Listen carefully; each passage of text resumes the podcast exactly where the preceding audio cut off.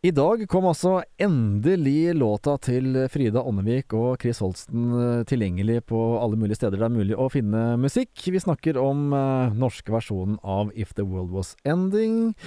Og Frida, det, det, har vært litt av et press, det har jeg skjønt, de siste ukene for å få denne låta ut på ordentlig? ja. Eh, det har vært en sånn Jeg har følt at det er veldig, veldig, veldig hyggelige meldinger, men også på en måte litt sånn underliggende trusler om at hvis ikke dere får den ut på Spotify, så Og jeg vet ikke hva folk er i stand til. Sånn, jeg, så vi har rett og slett lytta og gjort noe med det. Mm. Og nå er den på repeat og repeat og repeat og repeat. Så har jo blitt spilt ganske mange ganger allerede, men det var litt sånn light-versjon. Nå har du gjort det ordentlig. Ja, eh, men det er den versjonen vi gjorde på videoen. Vi gjorde det rett og slett ordentlig med en gang. Så vi sitter rett og slett og spiller inn live. Eller spiller inn.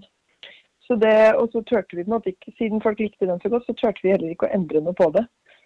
Så det er rett og slett den versjonen. Vi har jo fiksa litt lyd og sånn, men så det er òg en ganske sånn Eller et litt artig premiss. Ja. At vi heller ikke turte å endre så mye når vi først skulle gi den ut. Også i frykt for represalier. her gjør vi som fansen sier.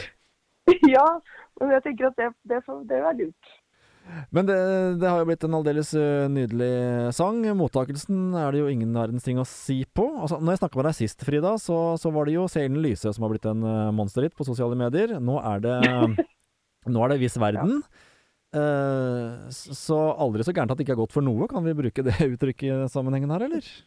Det syns jeg vi kan bruke, rett og slett. For min del så tror jeg det aldri har passa bedre. Da hører vi på låta, vi. Altså ikke bare én gang, men mange ganger gjennom helga. Og ønsker deg fortsatt en eh, fin vår, Frida Ånevik.